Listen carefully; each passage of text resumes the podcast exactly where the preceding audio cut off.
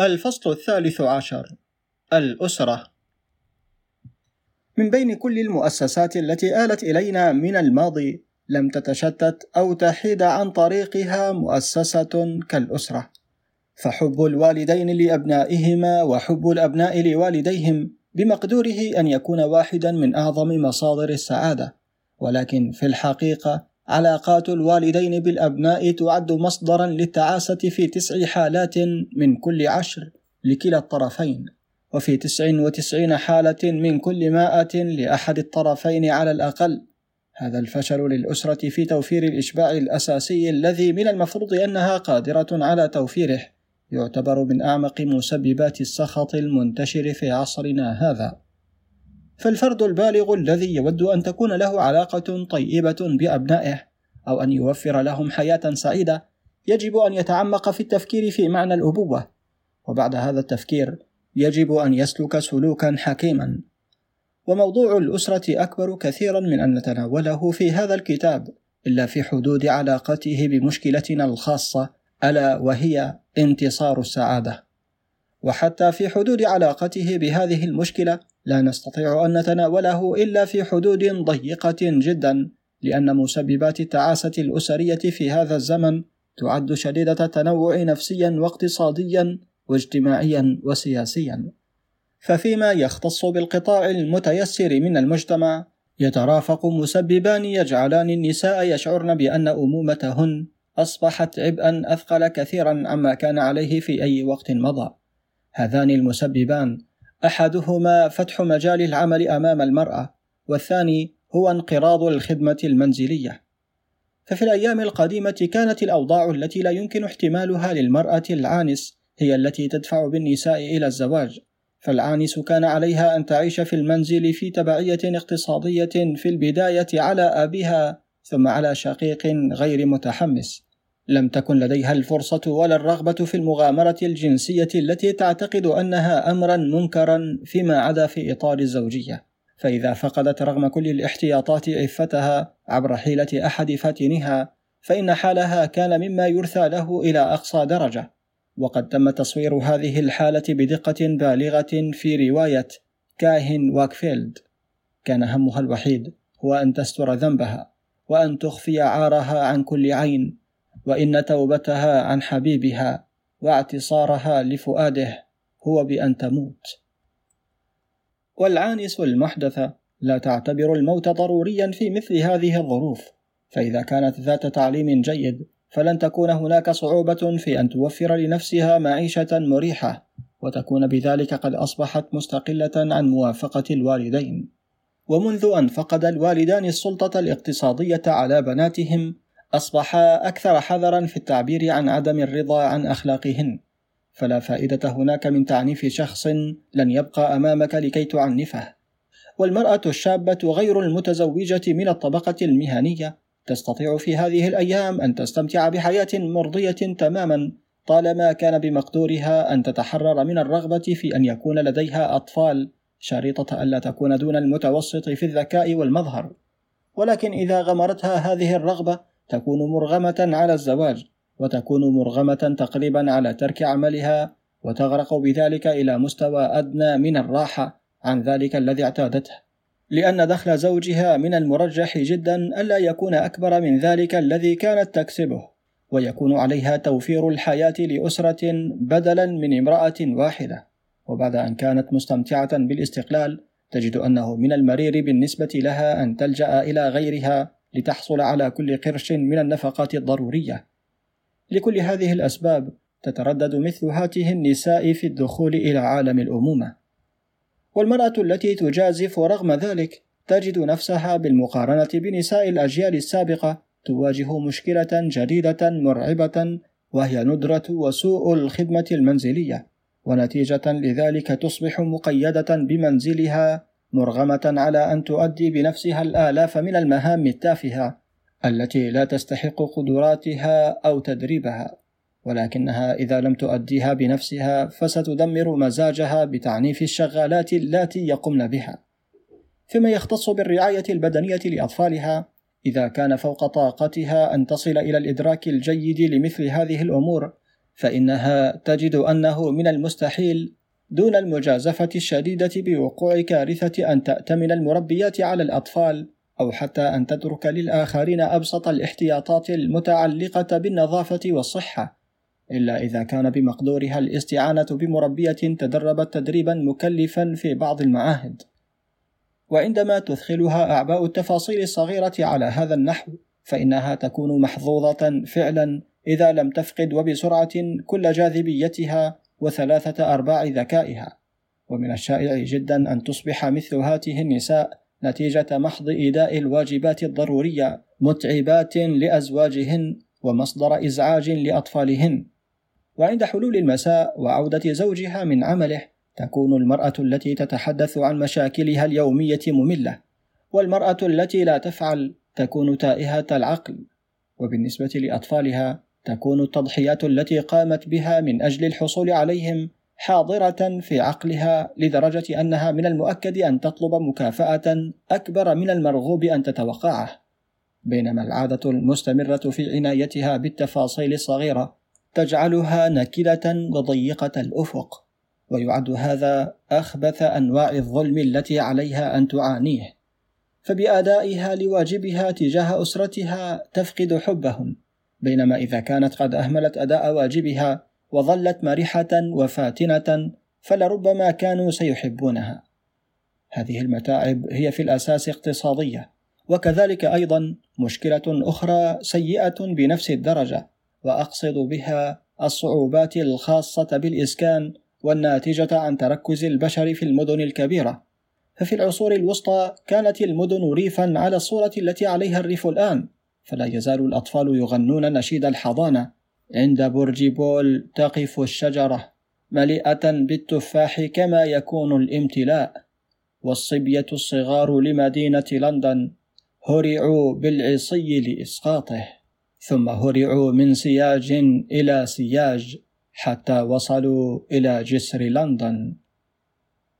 وقد اختفى برج بول ولست أدري تاريخ اختفاء الأسيجة التي كانت بين كنيسة سان بول وجسر لندن ولقد مر الكثير من القرون على الوقت الذي كان في استطاعة صبية لندن الصغار أن يستمتعوا بمثل هذه المسرات التي يشير إليها النشيد. ولكن إلى زمن ليس ببعيد جدا كان معظم السكان يعيشون في الريف، ولم تكن المدن شديدة الاتساع، وكان من السهل الخروج منها، ولم يكن من غير الشائع أن تجد حدائق متصلة بكثير من المنازل بها. أما الآن فيوجد في إنجلترا أكثرية ساحقة من السكان الحضريين بالمقابلة بالريفيين، وفي أمريكا لا تزال مثل هذه الأكثرية ضئيلة ولكنها تتزايد بمعدل سريع جدا. والمدن مثل لندن ونيويورك ضخمة جدا لدرجة أن الوقت اللازم لمغادرة أي منهما طويل جدا، والذين يعيشون في المدن يجب عليهم عادة أن يقنعوا بشقة لا ترتبط بها بوصفة مربعة من الأرض، والذين يعيشون في المدن يجب عليهم عادة أن يقنعوا بشقة لا ترتبط بها بوصة مربعة من الأرض، ويجب فيها أن يقنع الناس ذو الدخول المتوسطة بالحد الأدنى المطلق من الفراغ، فإذا كانوا أطفالا صغارا تكون الحياة في شقة أمرا صعبا، فلا مكان هناك ليلعبوا فيه ولا مكان ليلجأ إليه الوالدان من الضجة التي يثيرها الأطفال. وبالتبعية يميل المهنيون أكثر إلى الإقامة في الأحياء ويعد ذلك مرغوبا من غير شك من وجهة نظر الأطفال ولكنه يضيف كثيرا إلى الإعياء في حياة الرجل ويقلل كثيرا من الدور الذي يمكن أن يلعبه في الأسرة. وليس قصدي هنا مناقشة مثل هذه المشكلات الاقتصادية الكبيرة لأنها تقع خارج المشكلة التي نحن بصددها وهي ما الذي يمكن الفرد أن يفعله هنا والآن ليجد السعادة. وقد اقتربنا من هذه المشكلة أكثر عند مرورنا على الصعوبات النفسية التي توجد حاليا في علاقات الوالدين بالأطفال، وهي في الحقيقة جزء من المشكلات التي نجمت عن الديمقراطية. ففي الأزمان القديمة كان هناك السادة والعبيد، وكان السادة هم الذين يحددون ما يجب عمله وكانوا بصفة عامة يحبون عبيدهم حيث إن عبيدهم هم خدام سعادتهم. وربما كان العبيد يكرهون سادتهم رغم أن ذلك لم يحدث بالعمومية التي جعلتنا النظرية الديمقراطية نعتقدها. ولكن حتى إذا كانوا يكرهون سادتهم فلم يكن سادتهم يعلمون بهذه الحقيقة وكان السادة على أي حال سعداء. وبالقبول العام للنظرية الديمقراطية تغير ذلك كله. فالعبيد الذين كانوا مذعنين سابقا امتنعوا عن الإذعان والسادة الذين كانوا لا يعتورهم الشك في حقوقهم قبلا أصبحوا مترددين وغير متأكدين. ونشأ الاحتكاك وأدى إلى التعاسة في كلا الجانبين.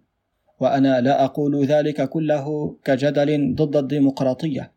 لأن المشاكل التي نحن بصددها لا مفر من وقوعها في أي تحول مهم ولكن من غير المجد غض النظر عن حقيقة أنه رغم أن هذا التحول يتقدم إلا أنه يجعل العالم أقل ارتياحا.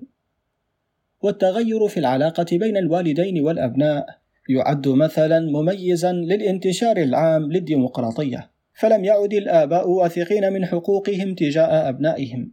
ولم يعد الأبناء يحسون أنهم مدينون بالاحترام للوالدين. وفضيلة الطاعة التي كانت تؤدى من قبل دون سؤال أصبحت الآن غير مناسبة للعصر وذلك صحيح. هذا حسب رأي الكاتب الذي لا نتفق معه ابدا. ولقد أفزع التحليل الوالدين المتعلمين خوفا من الضرر الذي يمكن أن يحدثاه دون دراية لأبنائهم. فإذا قاما بتقبيلهم فربما أوجدوا عقدة أوديب وإذا لم يفعلا فقد يحدثوا سخط الغيرة وإذا أمروا الأبناء بفعل أمور معينة فقد يؤديان بذلك إلى نشأة الإحساس بالإثم وإذا لم يفعلا يكتسب الأبناء عادات يعتقد الوالدان أنها غير مرغوبة. فعندما يمتص طفلهم إبهامه يستخلصون من ذلك كل الاستنتاجات المخيفة.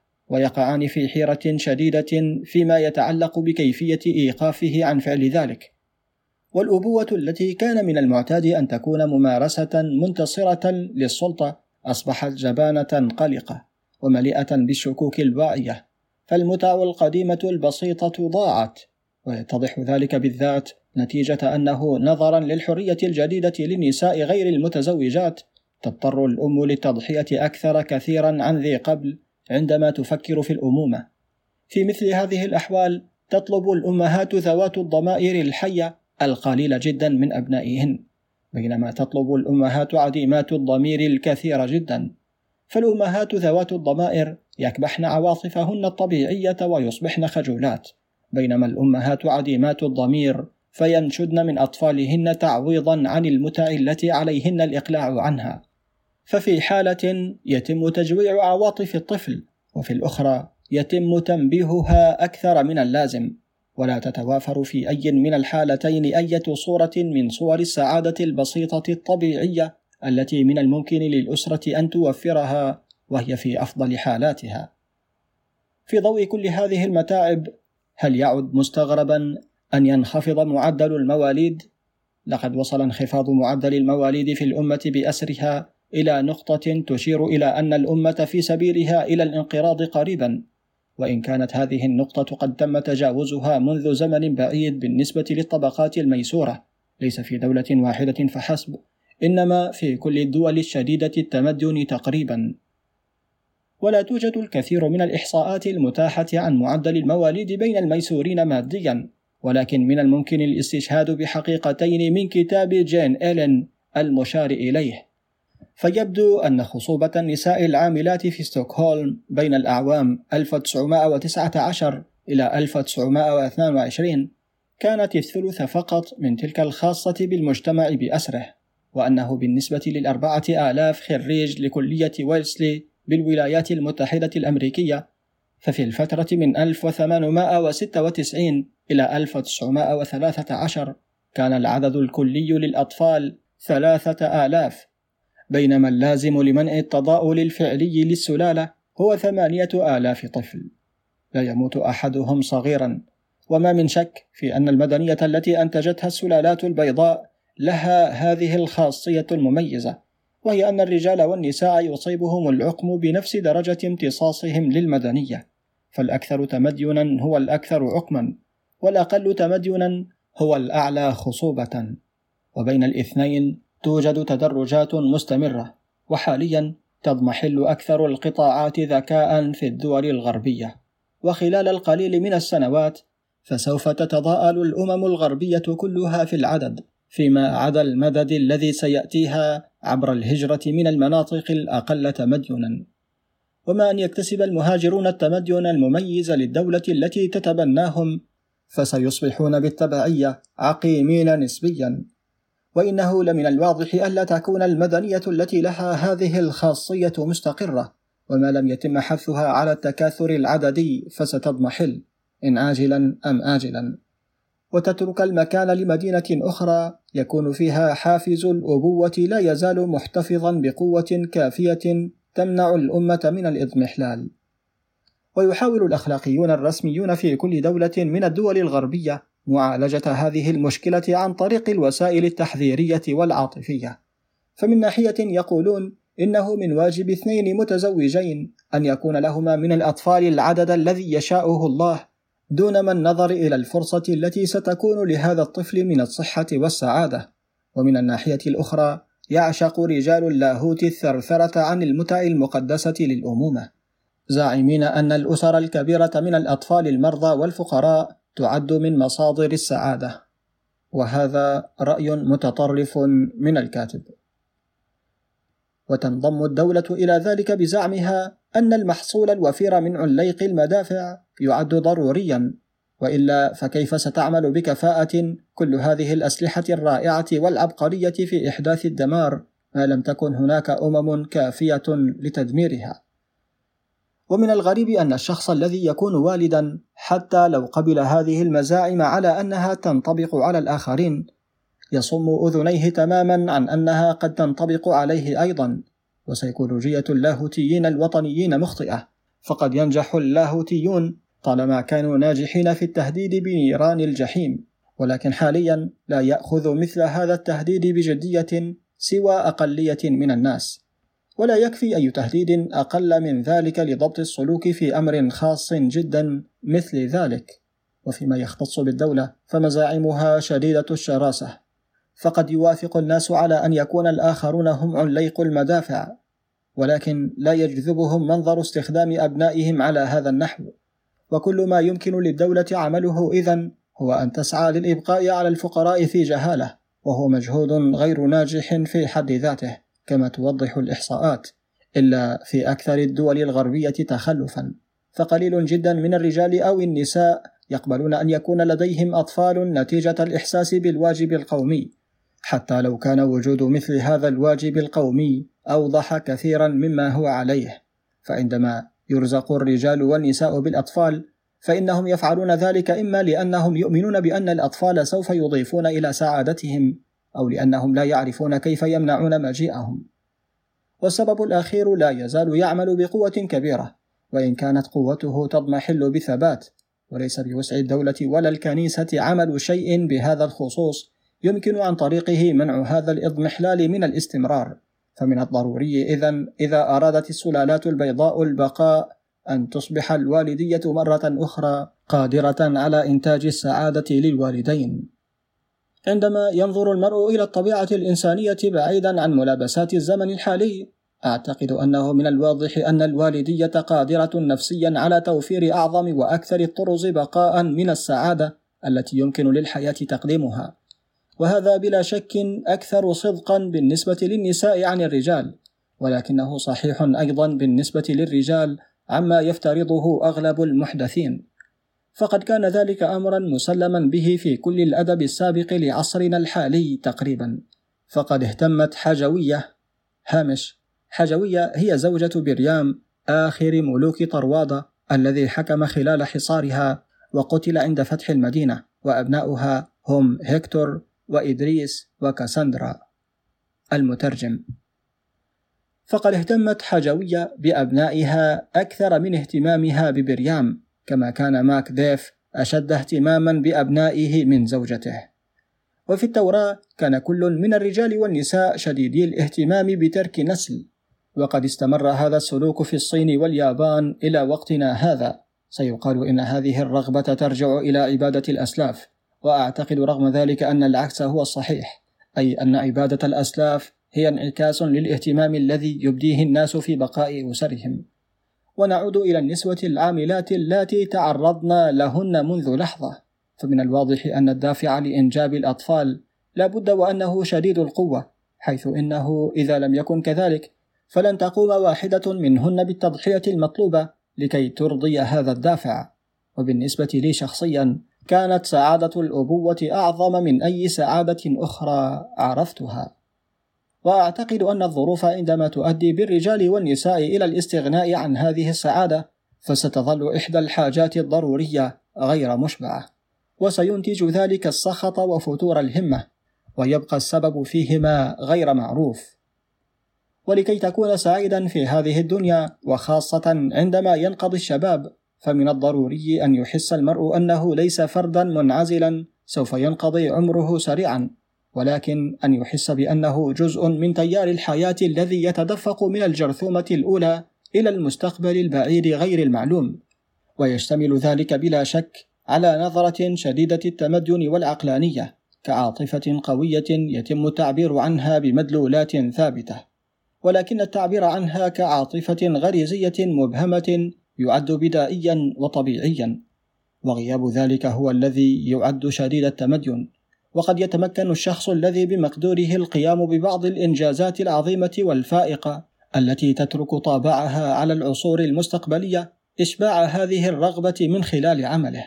ولكن بالنسبة للرجال والنساء الذين لا يملكون موهبة استثنائية يكون الطريق الوحيد لإشباع هذه الرغبة هو الأبناء.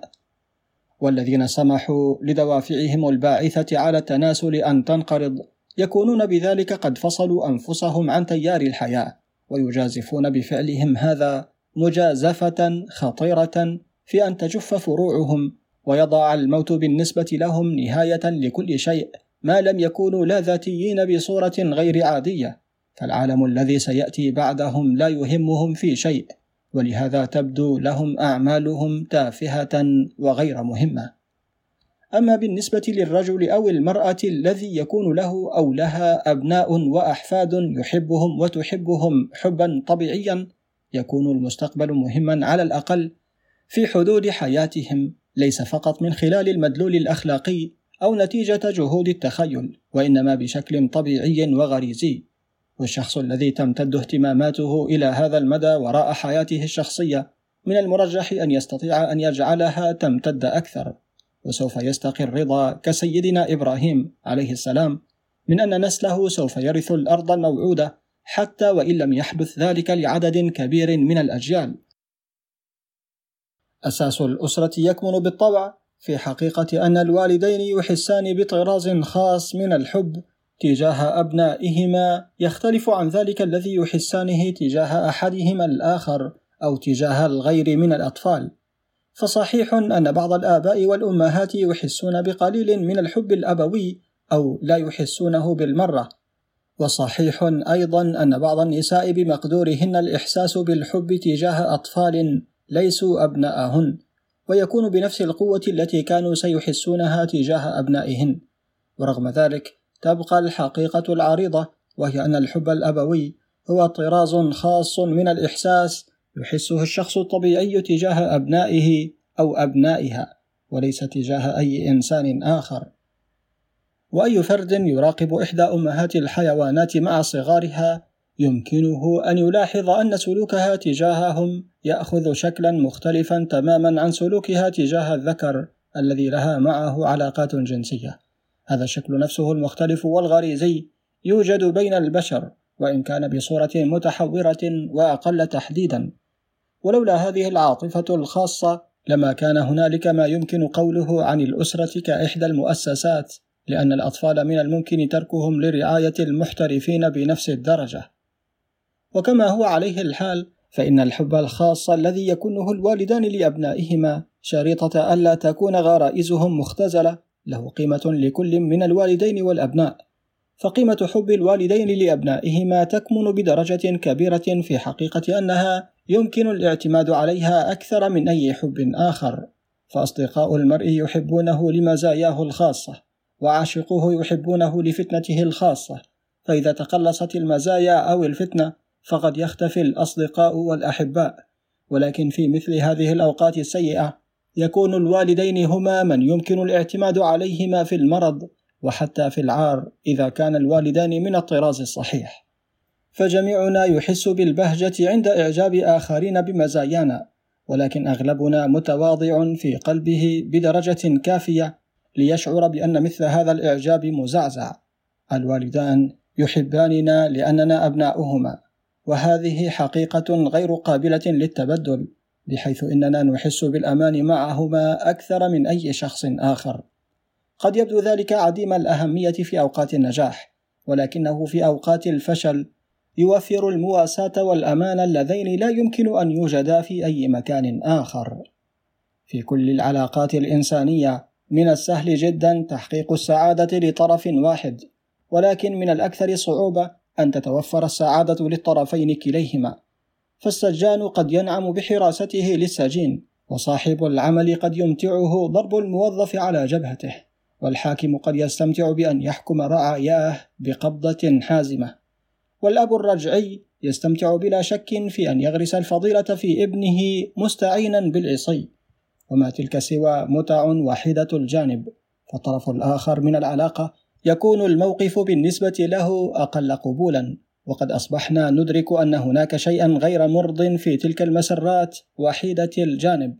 فنحن نعتقد أن العلاقة الإنسانية الجيدة يجب أن تكون مرضية لكلا الطرفين وينطبق ذلك فعليا بدرجة كبيرة على العلاقات بين الوالدين وأبنائهما بحيث تكون النتيجة أن يحصل الوالدان على متعة أقل كثيرا من وجود الأبناء عما كانوا يفعلون سابقا بينما يعاني الأبناء بالتالي بدرجة أقل على أيدي والديهم عما كان يحدث في الأجيال السابقة. ولا أعتقد أن هناك سببا حقيقيا في أن يحصل الوالدان على سعادة أقل من أبنائهما عما كانوا يفعلون في الأزمان السابقة رغم أن ذلك بلا شك هو الوضع الحالي. ولا أعتقد أيضا أن هناك أي سبب في أن يفشل الوالدان في زيادة سعادة أبنائهما ولكن ذلك يتطلب كما تتطلب كل العلاقات المتعادلة التي يهدف إليها العالم الحديث ذوقا خاصا ورقة خاصة. واحتراما خاصا للشخصيات الأخرى وهو ما لا تشجع عليه اطلاقا مشاكسات الحياة العادية. ولننظر إلى سعادة الأبوة في البداية من مدلولها الحيوي ثم فيما ستصبح عليه في والد يحثه مثل هذا السلوك تجاه غيره من الشخصيات وهو ما اعتبرناه ضروريا في عالم يؤمن بالمساواة. الجذور البدائية لمسرات الأبوة ذات شقين ففي جانب يوجد الإحساس بأن جزءا من جسم الفرد قد امتد خارجا وأنه سيطيل عمره بعد موت باقي الجسم وربما سيمتد خارجا بدوره جزءا منه بنفس الطريقة وبالتالي يتوفر الخلود للسلالة. وفي الجانب الآخر يكون هناك امتزاج حميم للقوة مع الرقة فالمخلوق الجديد يكون بلا حول ولا قوة ويكون هناك الدافع لمنحه ما يحتاجه. ويرضي هذا الدافع ليس حب الأب للطفل فحسب بل رغبة الأب في السلطة أيضا. فطالما ظل الإحساس أن الطفل لا حول له ولا قوة لا يكون الحب الذي يتم منحه له متصفا بعدم الأنانية لأنه في طبيعته حماية للأجزاء الضعيفة من الذات. ولكن يحدث التناقض بين حب السلطة الأبوي والرغبة في مصلحة الطفل منذ مرحلة مبكرة من عمر الطفل فرغم أن السلطة على الطفل هي إلى حد معين أمر تمليه طبيعة الأشياء إلا أنه من المرغوب فيه أن يتعلم الطفل بالسرعة الممكنة. كيف يكون مستقلا في كثر من الأمور ما أمكن ذلك؟ وهو ما لا يسر باعث السلطة في الوالد. ومعظم الآباء لا يدركون هذا التناقض ويظلون على طغيانهم إلى أن يصبح الأبناء في موقف التمرد.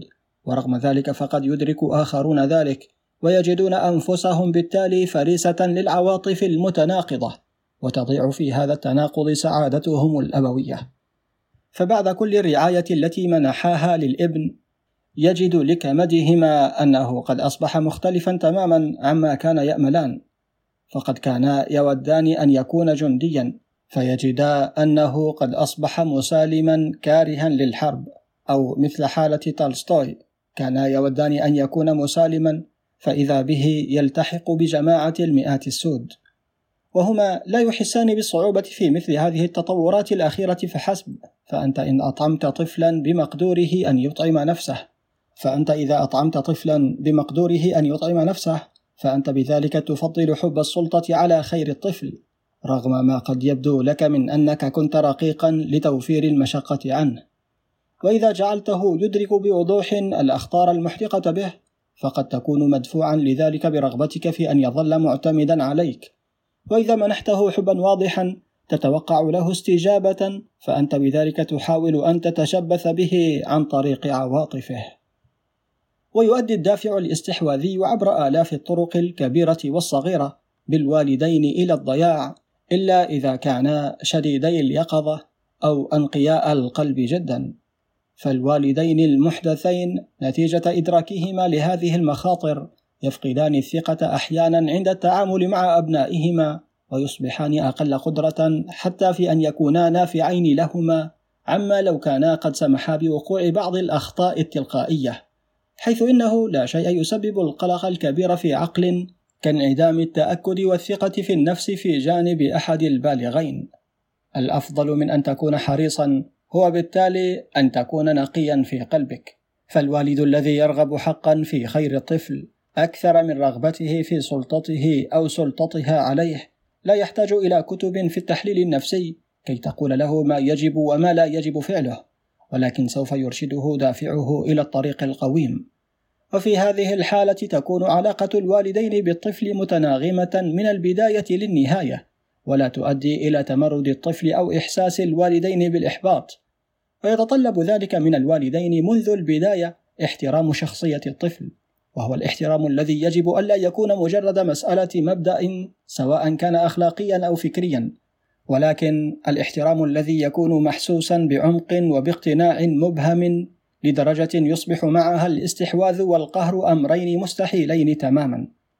ومثل هذا السلوك لا يعد مرغوبا تجاه الأطفال فقط فهو ضروري جدا في الزواج وفي الصداقة أيضا رغم أنه يكون أقل صعوبة في الصداقة وسوف يتخلل ذلك العلاقات السياسية بين مجموعات البشر في عالم جيد رغم أن ذلك يعد أملا بعيدا أكثر من أي شيء بالنسبة للأطفال ونتيجة لعجزهم وصغر حجمهم وضعف قوتهم فإنهم يجعلون النفوس الوضيعة تحتقرهم.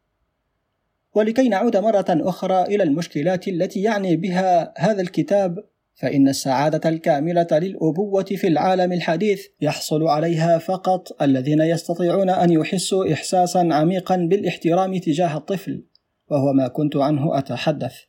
حيث إنه لن تكون هناك ضوابط مرهقة على حبهم للسلطة، ولن تكون هناك حاجة للخوف من مرارة انكشاف الوهم الذي يحس به الوالدان الظالمان عندما يكتسب أبناؤهم الحرية. ويكون للوالدين اللذين لهما مثل هذا السلوك سعادة أكبر في أبوتهم عما كان ممكنا على الإطلاق للوالدين الظالمين في ذروة سلطتهما الأبوية. فالحب الذي تظهره الرقة من كل الميول تجاه الطغيان يمنح سرورا أكثر روعة وأكثر دقة على تحويل معدن الحياة اليومية الخام إلى الذهب الخالص للنشوة الصوفية عن أي عاطفة ممكنة للشخص الذي لا ينفك يحارب ويصارع للاحتفاظ بسطوته في هذا العالم المراوغ. وأنا حين أربط قيمة عظمى بالعاطفة الأبوية لا أستخلص استدلالا عادة ما يتم استخلاصه على أن الأمهات يجب عليهن القيام بأنفسهن بعمل الكثير جدا لأبنائهن. فقد كان الاقتناع الخاص بذلك طيبا جدا في الأيام التي لم يكن فيها شيء قد عرف بعد. عن العناية بالأبناء سوى الأمور البسيطة وغير العلمية التي كانت تمررها عجائز النساء إلى الصغيرات. أما الآن فيوجد الكثير مما يتعلق بالأطفال يقوم به على خير وجه. أولئك الذين قاموا بدراسة خاصة عن بعض أقسام هذا الموضوع. فما يتعلق بالجزء من تدريبهم الذي يسمى تعليما يعد أمرا معترفا به. فالأم ليس من المتوقع منها أن تعلم ابنها حساب التفاضل مهما كانت درجة حبها له. فإلى المدى الذي يتعلق باكتساب التعليم من الكتب فمن المعترف به أن الأطفال يمكنهم اكتسابه بطريقة أفضل من الذين يملكونه عنه من الأم التي لا تمتلكه. ولكن فيما يتعلق بكثير من الأقسام الأخرى الخاصة بالعناية بالأطفال فلا يعد ذلك أمرا مسلما به. لأن الخبرة المطلوبة ليست متوافرة.